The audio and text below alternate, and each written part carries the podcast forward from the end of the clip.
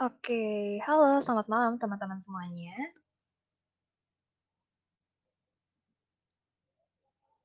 Oke, karena waktu sudah jam 7, maka kita mulai ya Tabula Talks malam hari ini. Halo selamat malam teman-teman semuanya. Perkenalkan, saya Yuki yang akan menjadi host Tabula Talks malam hari ini. Malam hari ini, Tabula Talks akan dibawakan oleh Karania. Karania merupakan konselor asosiat Tabula dan seorang content writer. Tema yang akan dibahas malam ini adalah toxic positivity vs positive thinking. Apa bedanya? Nah, tanpa berlama-lama lagi, yuk kita panggil Karanianya ya. Halo Karania, apakah sudah di sini?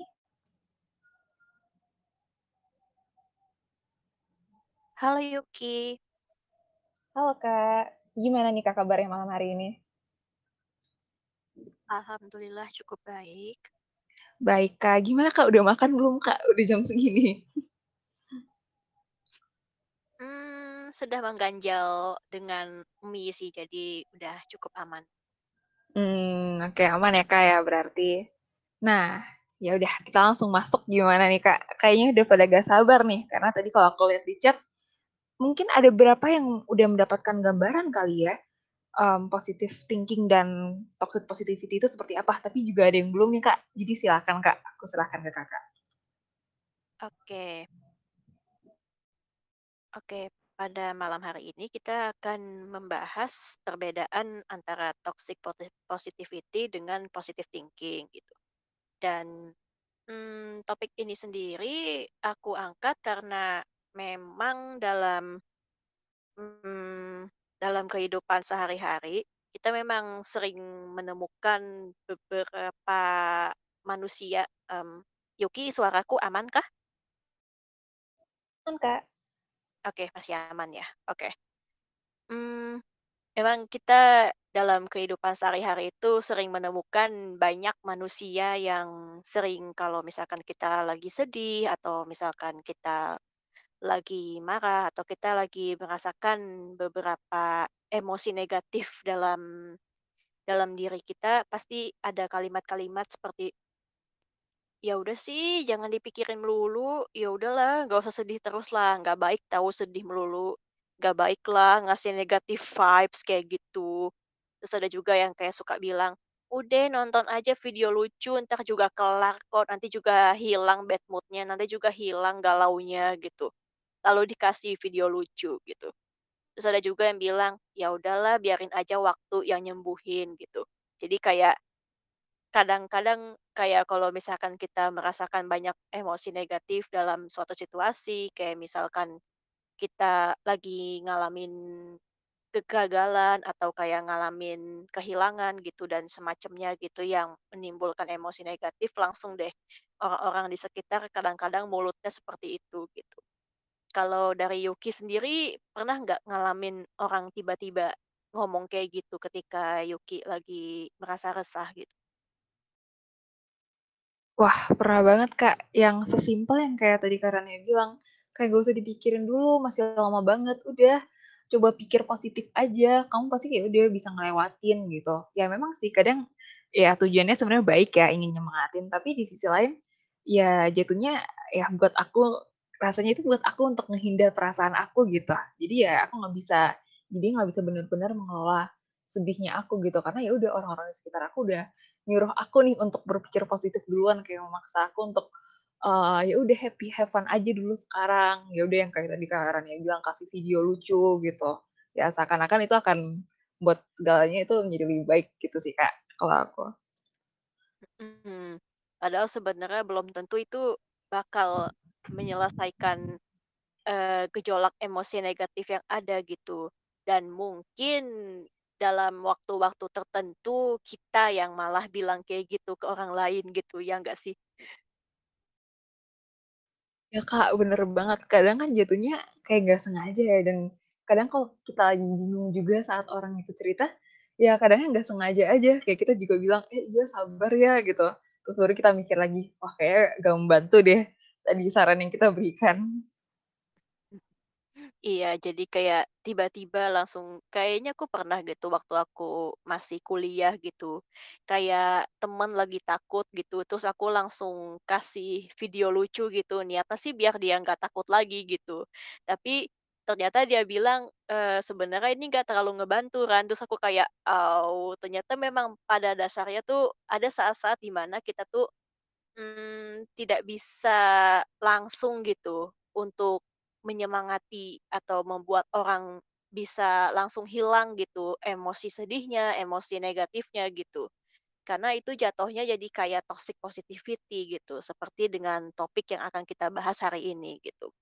Jadi untuk toxic positivity itu sendiri ya sesuai namanya, kalau misalkan niatnya itu kita, mmm, ingin memberikan dampak positif kepada orang lain, kita mengucapkan kalimat yang tanda kutip "baik" pada orang lain, memiliki niat untuk, ya biar dia nggak sedih lagi lah gitu.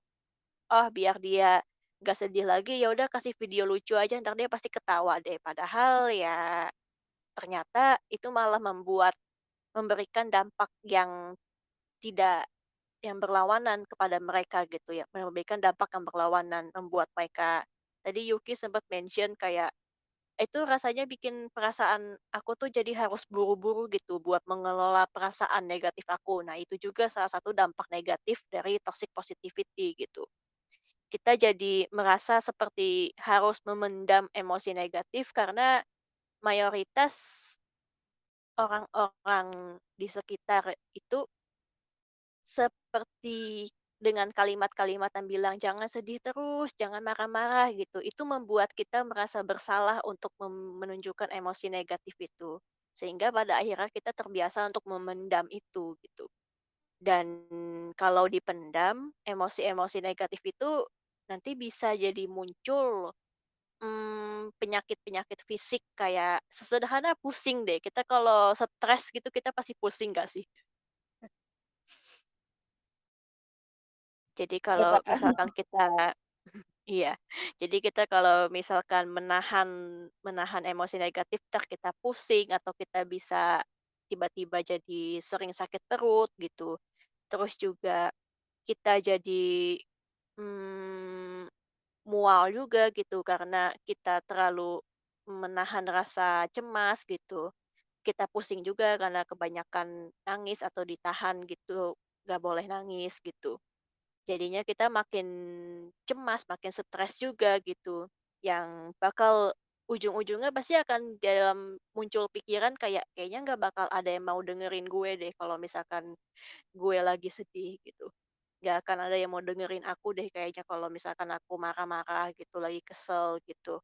Rasanya tuh kayak serba salah gitu, kayaknya orang-orang bakal cuma bakal bilang, "Ya udahlah gini aja, ya udahlah nonton aja video lucu gitu, lihat aja kucing," gitu, karena aku suka kucing kadang-kadang langsung disodorin aja gitu video kucing, padahal sebenarnya sih, mmm, tidak mmm, kadang-kadang membantu, tapi kalau misalkan dalam posisi akunya memang lagi pengennya sedih atau pengennya melampiaskan rasa sedih itu, itu jadi ada rasa seperti Orang ini berekspektasi aku pengen orang ini kayaknya ekspektasinya tuh aku cepet gitu loh buat menanggulangi emosi ini, padahal ya belum tentu gitu.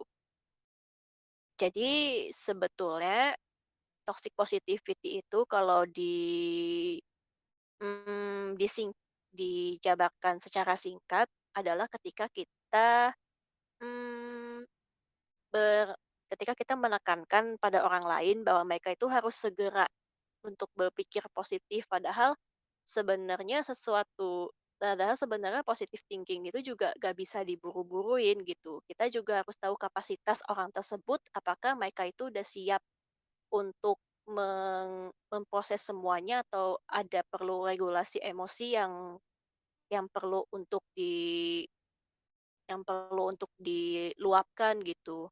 Ada mereka harus didengarkan, mereka perlu untuk misalkan, mmm, didengarkan atau mereka berkeluh kesah atau mungkin mereka butuh pelukan gitu. Jadi kayak memberikan mereka kesempatan untuk mengekspresikan emosi mereka apa adanya gitu. kalau apa-apa langsung ditolak gitu, langsung kayak, "Ya udah sih itu, ah, gitu aja kok repot," gitu, "Ya udah sih gitu aja kok dipikirin," gitu. Itu akan membuat mereka merasa tidak didengarkan gitu dan jadinya kesannya kayak apa-apa tuh ya udah positive thinking aja gitu, padahal jadinya itu sesuatu yang nggak realistis gitu, karena nggak bisa setiap saat kita itu ada dalam posisi positif gitu. Jadi kalau ditanya perbedaan yang paling mendasar ya toxic positivity itu tuh kayak memaksa orang untuk positive thinking tapi nggak realistis gitu. Karena jatuhnya maksa gitu. Jadi jadinya lah berdampak negatif pada orang lain. Hmm, kalau sampai sini Yuki ada komentar kah? Mmm, wah menarik banget ya, Kak, ya. Ternyata aku nggak pernah kepikiran sih bahwa ternyata saat kita memberikan toxic positivity kepada orang lain jatuhnya kita maksa mereka ya, Kak, ya, untuk, eee, jatuhnya ya udah maksa mereka untuk, "Yuk lu harus mikir positif," gitu. Ya agak kayaknya agak kurang empatik ya, Kak, ya, jatuhnya kita ke orang lainnya dan mungkin sebaliknya gitu orang lain ke kitanya. Tapi mhm, aku jatuhnya penasaran ya? mhm? Mmm, Ya kenapa silakan gimana? lanjutin dulu lanjutin nggak dulu. nggak nggak, nggak apa-apa nggak apa-apa. Yuki aja dulu. Mmm, mungkin aku jadi penasaran sih, Kak, mmm, jadi gimana sih, Kak, cara kita untuk kan tadi Kakak bilang kan kayak harus diolah dulu ya, nggak bisa langsung Mhm, kita positive thinking. Ada nggak sih, Kak, mhm, tahap-tahap untuk kita mengelola dulu sebelum akhirnya kita bisa positive thinking? Karena kan kalau misalnya kita berlama-lama dalam emosi yang jelek dan orang lain udah berusaha mhm, untuk memberikan kita hal yang positif kan ya itu juga nggak baik kan, Kak. Jadi gimana sih, Kak, cara kita ngolah mhm, sampai akhirnya kita kita sendiri bisa mengembangkan positive thinking ini gitu? mhm. Oke, kalau beg kalau pertanyaan seperti itu berarti ada satu hal, satu kalimat yang perlu ditekankan untuk dalam Tabloid Talks kali ini. Kalau positive thinking itu bukan artinya mengabaikan emosi dan perasaan emosi dan peristiwa negatif yang terjadi gitu. Jadi positive thinking itu tidak artinya mengabaikan emosi dan peristiwa negatif yang kita punya gitu. Yang sudah terjadi, yang sedang terjadi, yang kita rasakan itu jangan diabaikan gitu. Tapi kita harus melihat dari sudut pandang yang lebih realistis gitu, lebih sehat gitu. Kita percaya bahwa pada saat ini kita mungkin nggak baik-baik aja, tapi pasti akan datang saat di mana kita lagi nggak baik-baik aja. eh salah, salah ngomong kan, sorry. Hmm, oke. Mungkin saat ini kita merasa tidak baik-baik saja, tapi pasti akan datang saat di mana kita itu bakal merasa baik-baik aja gitu. Kayak Mmm, tidak logis ketika kita bilang kalau selamanya kita akan merasakan emosi negatif ini, tidak seperti itu gitu.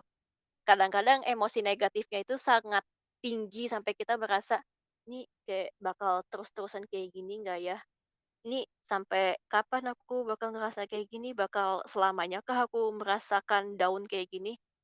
Padahal sebenarnya pasti datang gitu, kayak ya habis, mmm, badai pasti berlalu kan gitu. Badai pasti berlalu dan set setelah ada hujan pasti akan ada pelangi gitu. Dan itu juga yang ditekankan dalam untuk positive thinking gitu. Tapi bukan berarti kita, eee, berekspektasi ataupun mengekspektasikan orang lain yang lagi sedih itu tuh pelanginya harus datang sesegera itu gitu. Kayak, "Eh, gue lagi sedih nih," gitu. Terus kita kayak langsung bilang, "Ya udah nggak apa-apa nonton aja ini video lucu entar juga ketawa lagi," gitu. Itu kesannya kayak lagi hujan dan hujannya itu ceritanya tuh, eee, misalkan hujannya itu ceritanya seharian gitu, tapi ini maksa hujannya harus selesai, eee, 1 menit kemudian, ya nggak bisa gitu. Jadinya, eee, dari positive thinking itu bukan berarti kita, mmm, mengabaikan atau kayak menolak emosi ataupun pikiran negatif yang ada gitu, ataupun kejadiannya gitu yang yang telah terjadi dan membuat kita merasa tidak baik gitu. Justru malah positive thinking itu bikin kita lebih be lebih menanggapi itu secara lebih tenang gitu dan tahu bahwa ini akan berlalu gitu. Ini, buat sekarang aku nggak baik-baik aja tapi nanti aku juga bakal baik-baik aja gitu, tapi memang nggak sekarang gitu. Itu yang yang sebenarnya positive thinking yang sebenarnya gitu. Enggak kayak, "Wah aku harus baik aku harus baik-baik aja, aku nggak boleh nih nggak baik-baik aja." Nggak gitu, gitu. Dan untuk mencapai positive thinking ini memang sulit untuk dilakukan kalau kita tuh lagi dalam kondisi emosi yang intens gitu. Kayaknya tuh buat mikir kayak, "Nanti juga bakal baik-baik aja kok," gitu. Emang saatnya tuh belum sekarang gitu. Itu susah gitu kalau kita lagi kayak mumet banget, lagi stres banget gitu. Jadi kita perlu menenangkan diri terlebih dahulu gitu. Mmm, misalkan dengan kita mmm, aku pribadi aku suka nulis, jadi aku suka melakukan journaling gitu. Aku selalu menuliskan, eee, pikiran atau perasaan aku yang negatif gitu ke dalam sebuah tulisan gitu, entah digital atau pakai tang apa, tulis tangan gitu. Aku langsung luapkan aja semuanya apa adanya gitu, nggak pakai mikir gitu, yang penting keluar dulu emosinya gitu. Kayak, mmm, apa yang aku rasakan itu aku luapkan gitu ke dalam sebuah tulisan gitu. Kadang-kadang aku juga gambar gitu, karena, eee, ada saat di mana gambar itu lebih mewakili apa yang aku rasakan gitu. Kayak misalkan aku pakai tinta warna merah itu artinya aku lagi marah gitu, atau aku gambar hitam hitam hitam itu aku lagi sedih, lagi merasa dikelilingi kegelapan gitu, putus asa gitu, dan semacamnya gitu. Kayak warna itu, mmm, aku percaya psikologi warna gitu, warna itu bisa mewakili emosi kita gitu. Lalu juga kita tuh juga gak boleh sampai melupakan me time gitu, kita menyempatkan waktu untuk sendiri gitu. Dan juga kita bisa melakukan olahraga kalau misalkan dari teman-teman yang lagi dengerin Tabula Talks ini ada yang suka gerak gitu, suka jogging atau suka yoga gitu, itu juga bisa gitu buat, mmm, melakukan olahraga ringan gitu untuk membuat kita lebih tenang gitu, lebih rileks gitu. Jogging atau yoga 2 itu yang oke sih, senam juga bisa gitu. Lalu juga baca buku, intinya sih sesuatu yang denger lagu gitu, sesuatu yang bikin emosi kita tuh mengalir gitu. Kayak kalau kita mau nangis, nangis dulu gitu. Kalau misalkan kita ada rasa marah mau membanting sesuatu, banting sesuatu yang tidak menimbulkan kerusakan parah gitu, jangan sampai banting laptop gitu maksud aku. Mmm, aku kadang-kadang kalau lagi kesel banget ya udah banting buku atau mukul bantal gitu. Karena 2 hal itu yang setidaknya tidak akan menimbulkan kekacauan yang lebih lanjut gitu, nggak menimbulkan masalah baru lah gitu. Atau kalau di YouTube kan ada kayak kalau kita ketik demolition, demo demolition, pokoknya penghancuran gitu. Kayak aku suka ngelihat, eee, video-video orang lagi ngancurin gedung yang udah nggak terpakai gitu. Ya ya intinya sih biar ada rasa terwakili lah gitu, kalau misalkan lagi marah gitu. Atau kalau lagi sedih ya denger lagu yang sedih aja, entar juga mewek atau nonton Doraemon aku udah cukup mewek kok, gitu. Jadi intinya sih di diluapkan dulu emosinya, diekspresikan dulu. Kalau misalkan teman-teman yang lagi dengerin Tabula Talks ini ada support system yang bisa dipercaya gitu, dan tentunya nggak judgemental, nggak langsung bilang, "Ya udah sih," gitu, apa namanya, "nggak usah terlalu dipikirin," dan semacamnya gitu, yang dengerin kalian gitu, dengerin dulu gitu, kalian itu mau ngeluh apa gitu. Atau memang langsung jadi tempat buat nge-vent aja gitu, buat nge-rant gitu. Kalau memang kalian punya teman yang baik, ya cerita ke teman itu juga salah satu opsi yang bagus gitu. Mmm, dan intinya sih itu sih, kalau beberapa opsi yang bisa aku sarankan buat meregulasi emosi sebelum kita lanjut buat menanamkan positive thinking itu sendiri. Kalau menurut Yuki gimana? Wah, banyak banget ya, Kak, ternyata ya. Ya jatuhnya memang butuh proses ya, Kak, untuk mengelola diri kita sendiri, emosi kita, terlebih untuk akhirnya kita sendiri nih yang bisa membuat diri kita untuk positive thinking, tapi ya positive thinking yang beneran positif gitu, yang bisa memang berdampak baik bagi diri kita sendiri. Wah, menarik sih, Kak, mhm. menurut aku ya. Aku juga jadi, Mhm. mmm, flashback-flashback juga nih kayak terkait, wah kira-kira aku udah bener belum ya ngelola diri aku sendiri. Nah, aku penasaran nih, Kak, Mhm. kalau boleh boleh nggak Kak Rania mungkin share pengalaman Kakak ya terkait mungkin apakah Kakak pernah pernah nih punya pengalaman dengan toxic positivity ini, gimana, Kak? Mmm, mhm mhm. Mmm, kalau, mmm, mungkin aku akan cerita apa yang sedang aku alami sekarang sih ya. Boleh, Kak.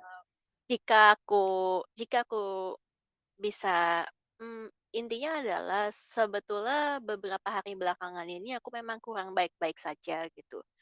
Ada banyak kecemasan yang bergumul di dalam otak aku gitu. Ada banyak kecemasan yang bikin asam lambung aku naik gitu. Jadi, mmm, aku bisa bilang aku dalam posisi ball of anxiety, aku tuh lagi gede banget gitu, dan aku bingung gimana caranya untuk mengelola itu gitu. Dan pikiran aku sendiri bilang seperti ini, "Ya udah itu gak usah dipikirin, itu gak penting, kamu pikir itu itu sesuatu yang penting apa buat dipikirin gitu, itu penting buat dipikirin, itu nggak penting buat dipikirin." Kayak kayak apa namanya, kayak seolah-olah Mmm, menganggap bahwa isu yang aku cemaskan ini sesuatu yang tidak penting gitu.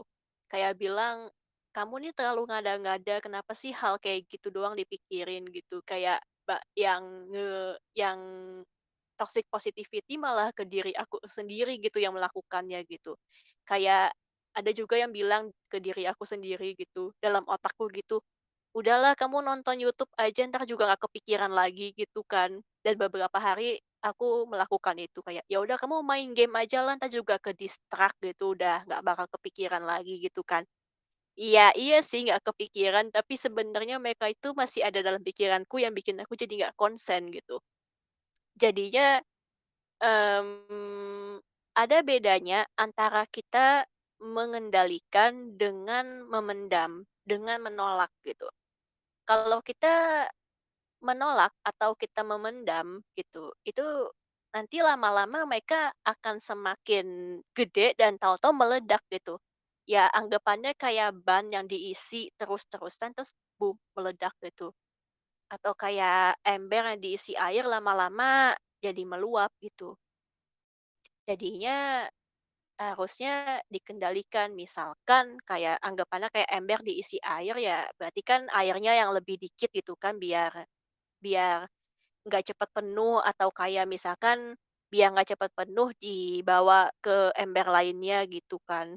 Pokoknya jadi ada bedanya antara mengendalikan dengan menolak gitu. Yang aku lakukan sampai beberapa hari ini aku terus-terusan denial gitu, terus-terusan menolak kayak, "Kenapa sih aku mikirin ini?" Gitu, "Ini nih, ini sesuatu yang nggak penting," gitu. Tapi dengan aku mikirin itu sebenarnya dalam hati aku, dalam diri aku itu menganggap itu penting, tapi ada diriku yang menolak bahwa itu hal yang penting gitu. Jadinya aku sendiri yang seperti menolak menolak untuk memikirkan itu dan jadinya ya makin parah gitu malah kecemasan aku itu. Jadinya yang aku lakukan itu ya mencoba untuk tenang dulu, tarik napas, buang gitu dan kayak berpikir kayak aku menyempatkan waktu sendiri yang bener-bener sendiri buat berpikir dengan lebih tenang gitu. Dan kayak aku mikir sebenarnya Eee, dampak sebenarnya ini kenapa gitu, apa yang aku rasakan ini, gimana caranya biar aku bisa lebih tenang gitu. Dan jadinya ketika aku berpikir, hal ini penting untuk aku pikirkan, emosi cemas yang aku rasakan ini valid gitu, kecemasan aku itu, eee, memang ada gitu. Dan ini wajar untuk aku rasakan gitu loh. Kayak Mmm, sekalipun mungkin orang-orang di sekitar aku nggak relate dengan kecemasan ini gitu loh, tapi perasaan itu ada dalam diri aku gitu loh dan itu tidak bisa diabaikan gitu. Mereka ribut, mereka makin melunjak ya karena aku sempat menganggap mereka nggak ada gitu. Aku menolak keberadaan mereka gitu. Jadi ketika aku kayak, "Udah nggak apa-apa kok, emang saat ini lagi cemas banget ya," gitu. Emang saat ini lagi nggak tenang banget ya, itu ya setidaknya tuh agak menurun gitu, karena akhirnya mereka diakui gitu kalau mereka itu ada gitu. Kayak kayak akhirnya tuh terasa sedikit lebih terangkat bebannya gitu. Dan setelah itu ya aku menulis dan aku cerita juga ke orang-orang yang teman-teman aku yang memang dengerin aku gitu. Kayak aku nge-vent out aja gitu. Mereka nggak ada tanggapan apa-apa gitu, cuma kasih emot peluk dan semacamnya karena aku bilang aku memang nggak butuh saran kan. Aku cuma mau didengerin doang, cuma mau vent out doang gitu kan. Aku cuma minta semangatnya doang gitu kan dan ya udah mereka kasih itu, mereka peluk aku dan mereka bilang, "Semangat, kamu bisa ngelewatin ini," gitu. "Kalau ada apa-apa kamu vent out lagi aja," gitu dan ya itu memang itu yang kubutuhkan gitu. Jadi ya buat sekarang setidaknya aku udah lebih tenang gitu.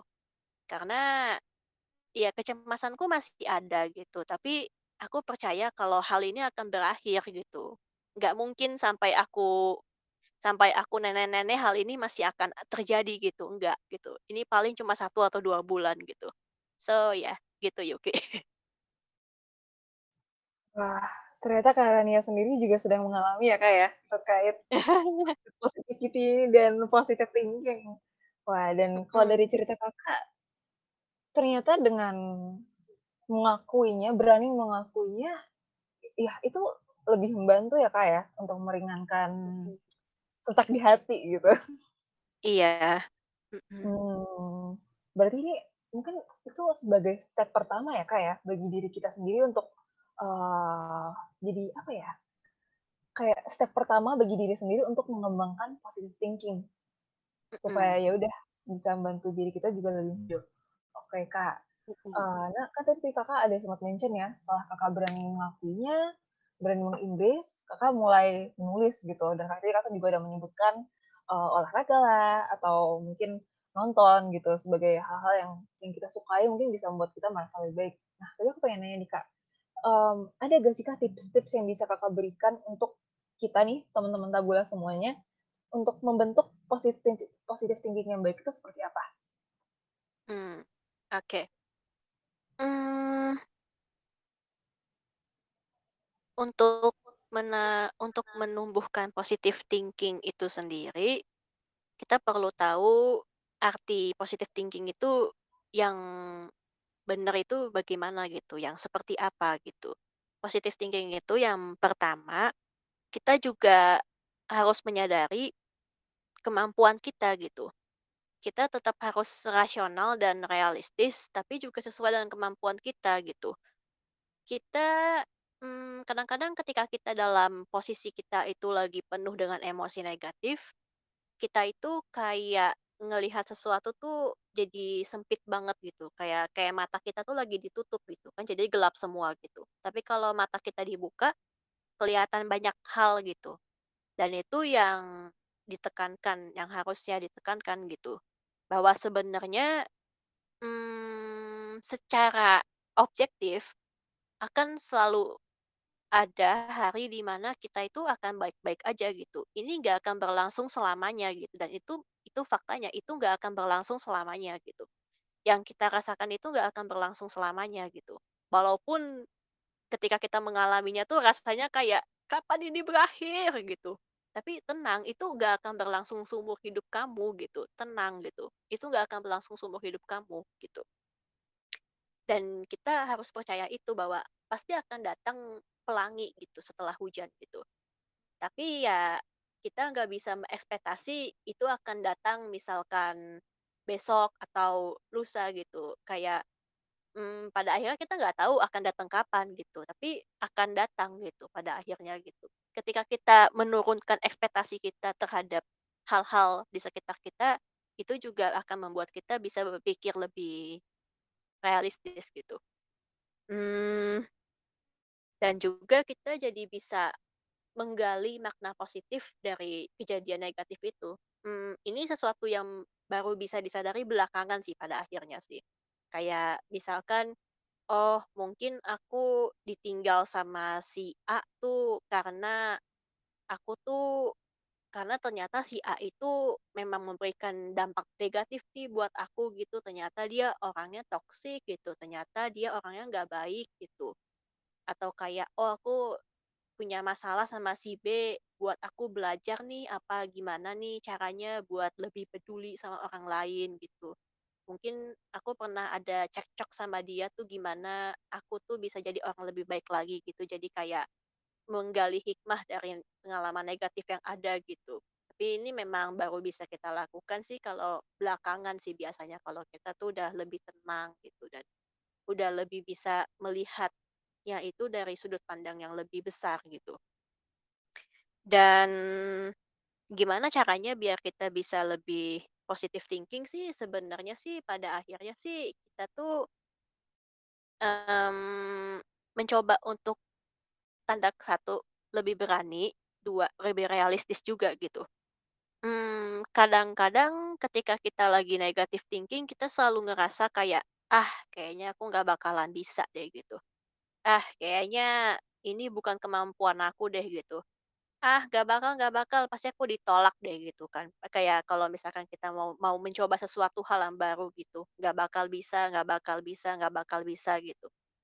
Tapi sebenarnya Mmm, nggak ada salahnya kan buat nyoba gitu kan. Mmm, kadang-kadang kalau kita mencoba dan kita ada pikiran kayak, eee, kayak dibalik gitu, "Aku pasti bisa kok," gitu. Kadang-kadang pikiran kayak gini agak menjebak juga gitu. Kalau misalkan tahu-tahu usahanya mengkhianati hasil, kita bakal down lagi takutnya gitu kan. Jadi sebenarnya kalimat yang lebih enak itu sebenarnya lebih ke, "Ya udahlah, nggak ada salahnya kok nyoba," gitu. "Yang penting aku udah mencoba," gitu, dan itu hal yang baik buat aku gitu. Jadi kita itu lebih, mmm, tidak menaruh bisa atau nggak bisanya gitu, tapi kita mencoba untuk melakukannya aja udah sesuatu yang bagus gitu.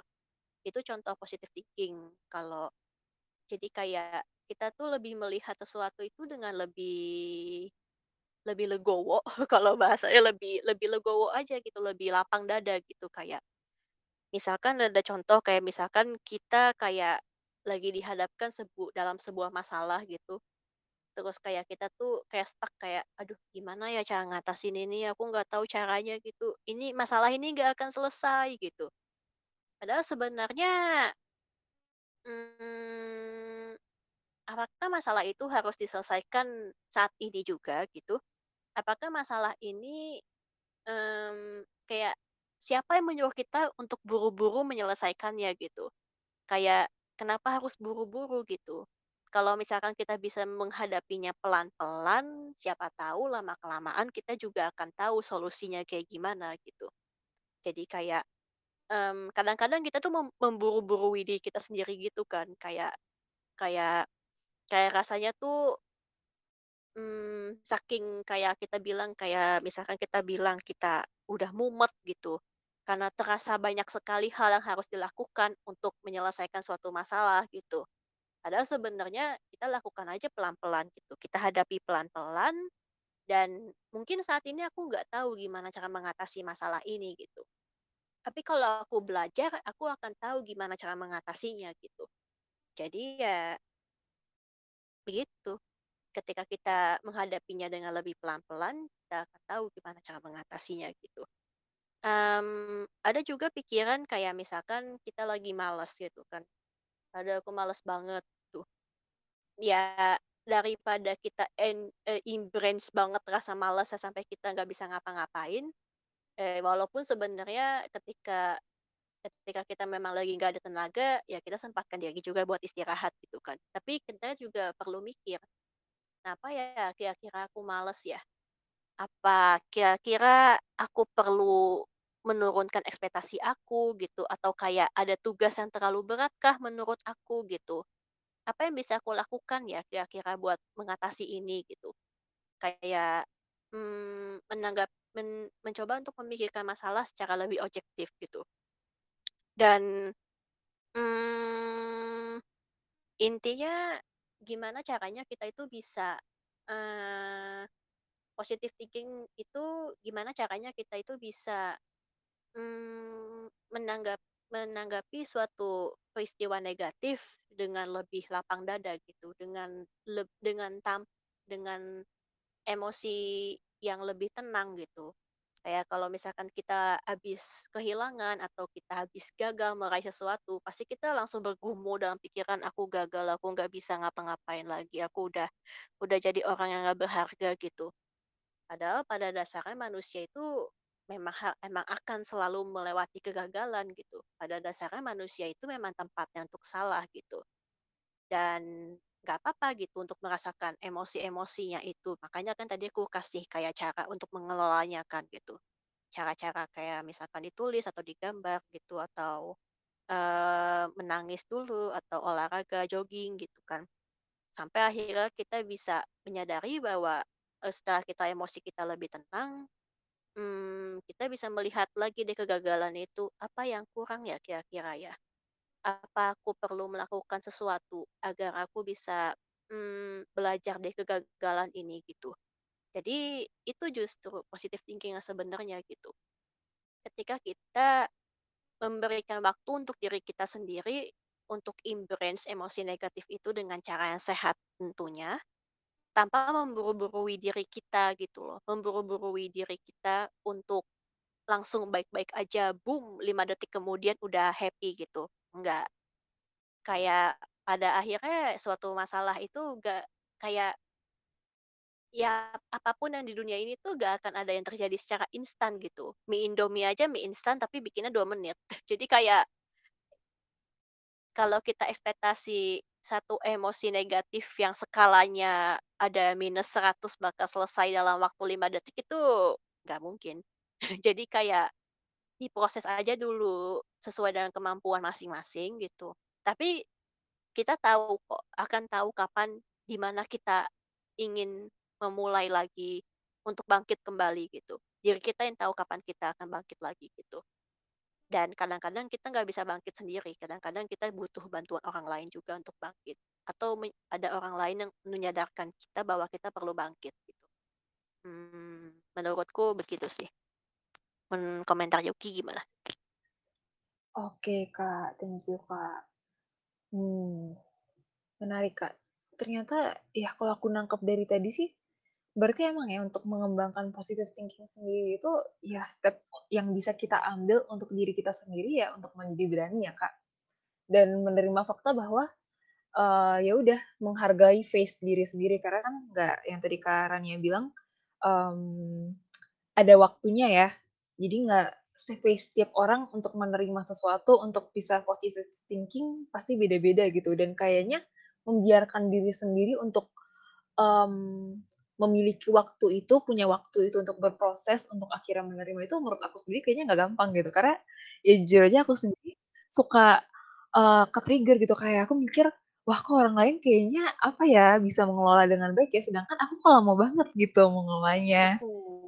Kak, kayak kita harus itu ya, mmm, kasih waktu untuk diri kita sendiri dan bahkan untuk kasih waktu dengan diri kita sendiri aja butuh keberanian gitu, itu kalau aku sih, Kak. mhm, mhm. Oke. Iya.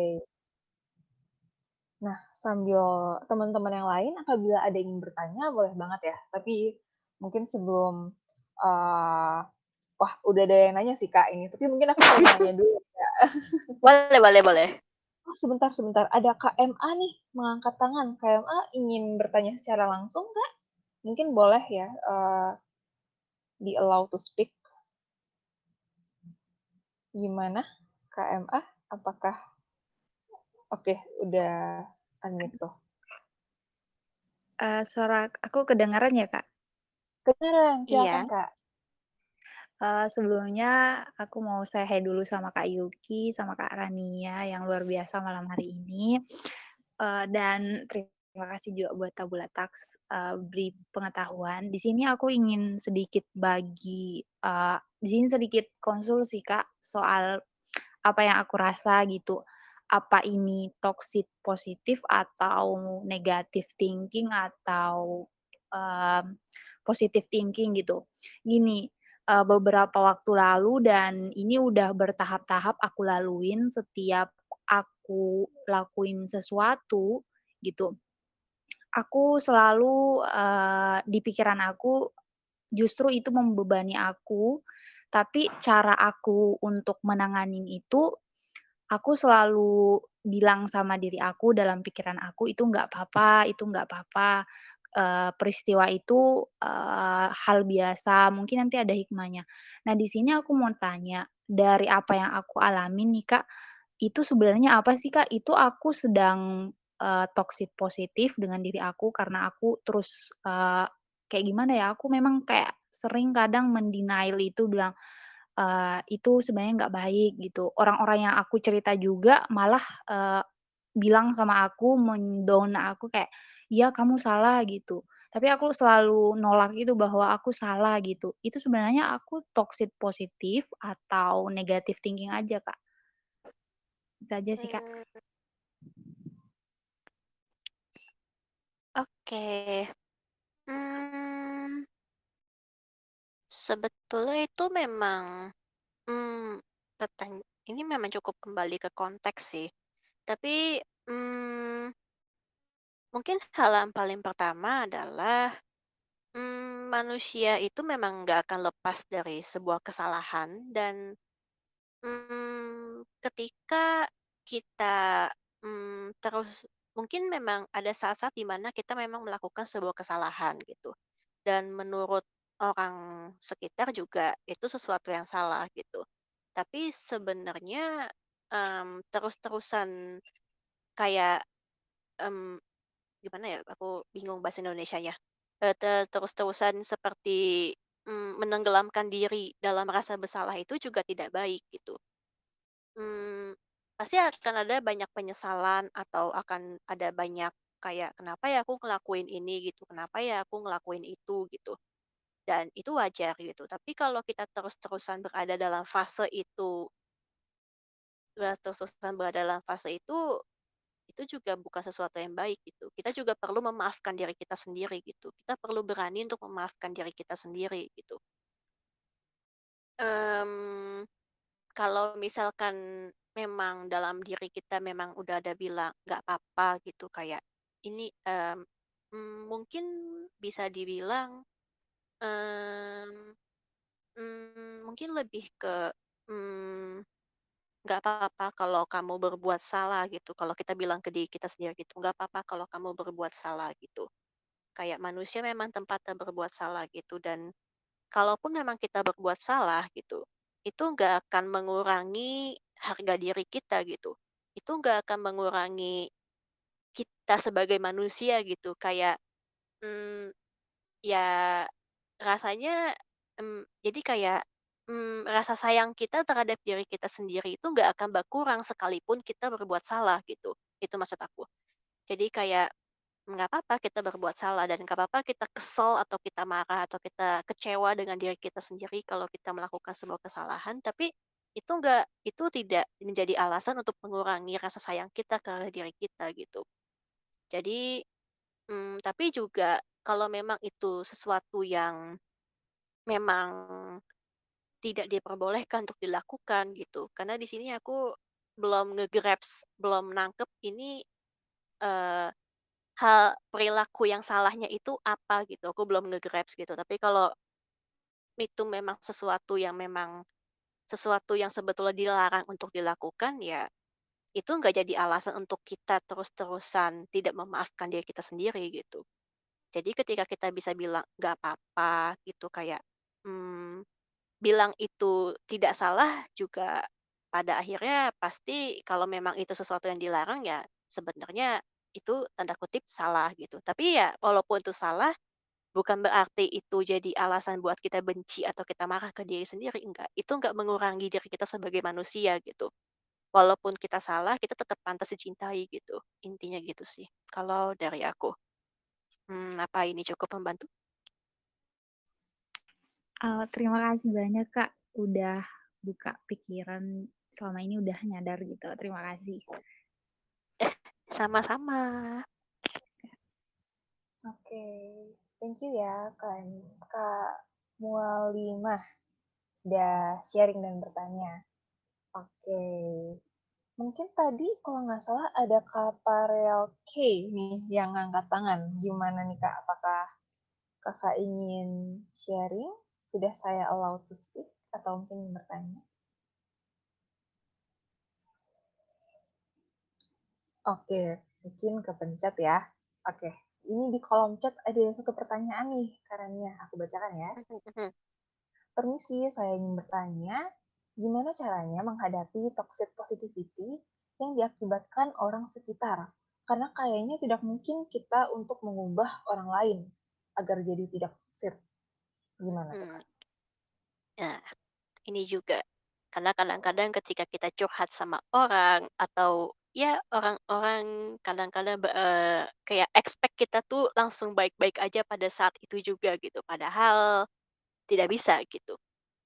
Tapi kita juga nggak bisa mengendalikan mereka untuk berhenti untuk berhenti menghujam kita kayak kita nggak bisa nggak bisa membuat mereka berhenti untuk bilang, "Ya udah sih ya udah sih ya udah sih." Pasti akan selalu ada orang yang bakal bilang, "Ya udah sih, ya udah nonton video lucu aja, ya udah sih tunggu waktu aja." Ya akan selalu ada orang yang seperti itu gitu dan memang itu tidak bisa dikendalikan gitu. Jadi hal paling pertama yang perlu kita lakukan adalah diterima dulu. Lingkunganku memang menyebalkan seperti ini. Iya, seperti itu. Kayak, oke, lingkunganku memang seperti ini, memang menyebalkan dan aku tidak bisa mengubahnya. Dan ya, hanya itu. Ketika kayak ketika kita kayak memang sudah sadar bahwa bukan tugas kita untuk mengubah mereka dan kita tahu kalau kita nggak punya kendali sampai sejauh itu, Ya kita tidak akan mengusahakan untuk mengubah mereka lagi gitu. Jadi ya, ya sudah gitu. Tapi bukan berarti, te karena pada akhirnya ketika mereka bicara seperti itu ya nggak bisa langsung mental sih ya, tetap aja pasti akan ada rasa, "Aduh kenapa sih ini orang ngomong kayak gini?" Tetap akan ada rasa kayak pedihnya gitu, kayak, "Kenapa sih di lingkungan aku sendiri aja orang-orang pada nggak ngerti aku?" Gitu. Pasti akan ada rasa-rasa kayak gitu. Jadi untuk hal yang itu, kita bisa Kembali ke diri kita sendiri gitu. Karena pada akhirnya yang tidak akan pernah meninggalkan diri kita ya diri kita sendiri gitu. Kitanya kitanya juga, mmm, setidaknya kita punya pegangan yang nggak akan pernah ninggalin kita ya diri kita sendiri gitu. Jadi diri kita yang jadi benteng buat diri kita sendiri gitu. Ya orang lain bisa menghujam kita dengan memburu-burui kita dengan toxic positivity, memburu-burui kita buat baik-baik aja pada pada waktu yang cepat gitu. Tapi diri kita memperbolehkan diri kita untuk menikmati proses gitu, untuk berproses sesuai dengan fase yang kita mau gitu. Walaupun pada akhirnya rasa sakitnya bakal tetap ada, tapi ketika kita juga menerima rasa sakit itu gitu, kayak rasanya sakit orang-orang gak ada yang paham aku gitu. Dan kita juga meregulasi itu dengan lebih tenang, meregulasi emosi itu hingga kita lebih tenang, Ya, niscaya kita juga jadi punya pegangan yang lebih kuat ke diri kita sendiri gitu. Dan ada saat-saat di mana sebenarnya teman-teman online gitu atau misalkan peer counselor gitu yang online gitu. Saat-saat mereka yang memang lebih paham kita daripada orang-orang yang memang ada di sekeliling kita yang di real life gitu. Orang-orang yang di rumah kita atau di sekolah kita, tempat kuliah kita yang kita bisa temui secara langsung Mereka nggak selalu paham tentang kita gitu, tapi malah orang-orang yang online yang belum pernah ketemu yang malah lebih paham kita gitu. Mmm, maksudku di sini adalah, mmm, pada akhirnya mungkin ada orang pasti akan selalu ada orang di mana yang ada akan selalu ada orang yang paham kita, tapi mungkin tidak di lingkungan kita sendiri gitu. Jadi membuka diri juga dalam circle online gitu, karena kita pasti ada akses internet. Akan ada akses internet kan gitu. Kita sekarang di zaman kita sekarang ada akses internet dan kita bisa mencari teman online gitu, untuk ada emotional support juga gitu. Di saat-saat kita karena pada akhirnya manusia juga makhluk sosial kan gitu. Dan aku juga percaya sebenarnya pasti ada satu 2 orang yang di lingkungan offline kita itu pasti ada yang bakal memang peduli sama kita, cuma belum ketemu aja gitu. Dan tapi sampai saat ini ya yang penting kita juga perlu Membangun semangat ke diri kita sendiri gitu, bahwa wajar dan gak apa-apa kita kesel gitu, orang-orang nggak ada yang ngertiin kita dan itu juga perlu diregulasi juga secara sehat gitu. Dan juga tetap mempersilahkan diri kita sendiri untuk nggak mendengarkan mereka gitu. Karena sebenarnya bukan tugas kita juga untuk, eee, menuruti ekspektasi mereka gitu. Mereka yang punya ekspektasi itu ke kita, kita nggak punya kewajiban untuk mendengarkan mereka pada akhirnya gitu. Walaupun kalimat mereka seolah-olah seperti membuat kita merasa berkewajiban untuk dengerin mereka, tapi kita nggak punya kewajiban buat memenuhi mereka. Kita nggak punya kewajiban buat baik-baik aja sesuai permintaan mereka gitu. Kalaupun kalau kitanya maunya kita kita misalkan mereka pengennya kita langsung happy besoknya gitu setelah mereka ngasih saran atau setelah kita ngobrol sama mereka, ya nggak kalau kita nggak bisa, ya nggak bisa gitu. Mereka yang punya pendap mereka yang punya harapan seperti itu bukan tugas kita buat menuhin gitu. Kita yang punya kendali atas diri kita sendiri. Oke. Begitu kalau dari aku. Oke oke, thank you ya, Kak. Semoga yang bertanya tadi, mmm, sudah cukup ya dengan jawabannya. Berarti memang ya, Kak, eee, kalau misalnya memang isunya udah dari lingkungan sekitar kita, memang hal yang harus kita sadari itu, ya nggak semua hal bisa kita kontrol ya, Kak, ya. Cuma ada beberapa hal yang ya kita yang bisa mengubahnya ya udah dengan diri kita sendiri. Oke, ini, Kak, ini ada Kak Farel, eee, mau angkat tangan lagi. Saya allow to speak ya, Kak, ya. Hmm, mungkin ingin bertanya. Silakan Kak Farel K. Halo. Halo. Eee, suaraku kedengaran, Kak? Kedengaran. Kedengaran. Oke, terima kasih sebelumnya. Eee, pertanyaan saya, misal nih Kak, eee, kita udah terapi diri sendiri, misalnya bilang, eee, "It's okay sekarang aku lagi sedih." Cuman kadang waktunya tuh kebablasan, misalnya sampai 1 pekan atau 2 pekan dan akhirnya jadi, eee, kebiasaan gitu.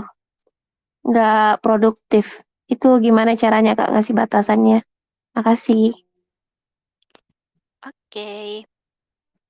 Mmm, sebetulnya kalau ini kita juga perlu ngeh dengan kewajiban kita sih. Misalkan kalau kita lagi kuliah, kalau misalkan ada deadline tugas, mmm, kadang-kadang ada situasi seperti ini sih kalau dalam kalau contoh aku ambil contoh yang aku alami, aku lagi sedih banget, tapi ada deadline 1 jam ke depan. Aku bakal kotakin dulu rasa sedih itu, aku kesampingin sedikit, mmm, aku kayak bilang ke diri aku sendiri, "Aku lagi mau ngerjain tugas, deadline-nya 1 jam lagi" "mmm, aku selesaikan dulu, habis itu kalau mau nangis, nangis aja udah," gitu. Dan aku berusaha buat fokus dan selesai, dan fokusnya sebenarnya pada akhirnya, mmm, aku bisa bilang pada akhirnya ketika aku lagi dalam emosi negatif yang membludak, eee, cara aku menyelesaikan tugas pasti akan lebih down daripada ketika aku lagi dalam posisi yang lagi best gitu. Pasti apa, kualitasnya akan beda gitu.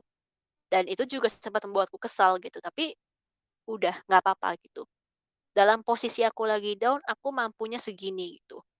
Kalau dan itu nggak apa-apa, kasih, udah, dan habis itu aku kembali lagi dengan emosi negatifku dan aku meluapkannya kembali gitu. Untuk menumbuhkan sense of responsibility, untuk menumbuhkan tanggung jawab itu pada akhirnya kita juga harus ngeh dengan kewajiban-kewajiban yang berlangsung dalam kehidupan kita sih. Kalau memang kita tidak ada kewajiban tertentu, kayak nggak ada deadline yang kita perlu lewati, ya sebenarnya tidak apa-apa gitu. Kalau memang kita lagi senggang gitu seharian, kalau kita mau pundung, kalau kita mau sedih, sad moment, ya tidak apa-apa, kita pundung saja di kasur gitu. Eee, kayak, mmm, ya sudah nggak apa-apa sedih aja, ya kan memang nggak ngapa-ngapain kan, nggak ada deadline, nggak ada apa gitu. Tapi kalau memang ada deadline gitu atau kita memang misalkan ada janji sama temen gitu, atau kita harus beres-beres rumah, atau kita harus nyiapin stok makanan gitu, ya itu sesuatu yang kayak tadi itu, kita harus melakukan itu terlebih dahulu, kita kayak bilang ke diri kita sendiri, "Kasih waktu aku untuk beraktivitas dulu, nanti kalau udah selesai nggak apa-apa kalau mau sedih lagi," gitu. dan ya sudah gitu. Baru kita lakukan gitu. Mmm, sebenarnya kalau menurutku sendiri ini bukan suatu pengabaian ya, yang aku bilang dikotakin itu. Itu seperti memberikan kita apa ya, sense of kon kendali ke dalam diri kita gitu. Kayak pada akhirnya kan kita yang memegang kendali atas pikiran dan perasaan kita. Itu yang yang kadang-kadang ketika kita lagi overwhelmed banget, kadang-kadang kita jadi ngerasa kita tuh nggak bisa ngendaliin diri kita. Nggak, kita punya kendali penuh atas diri kita gitu.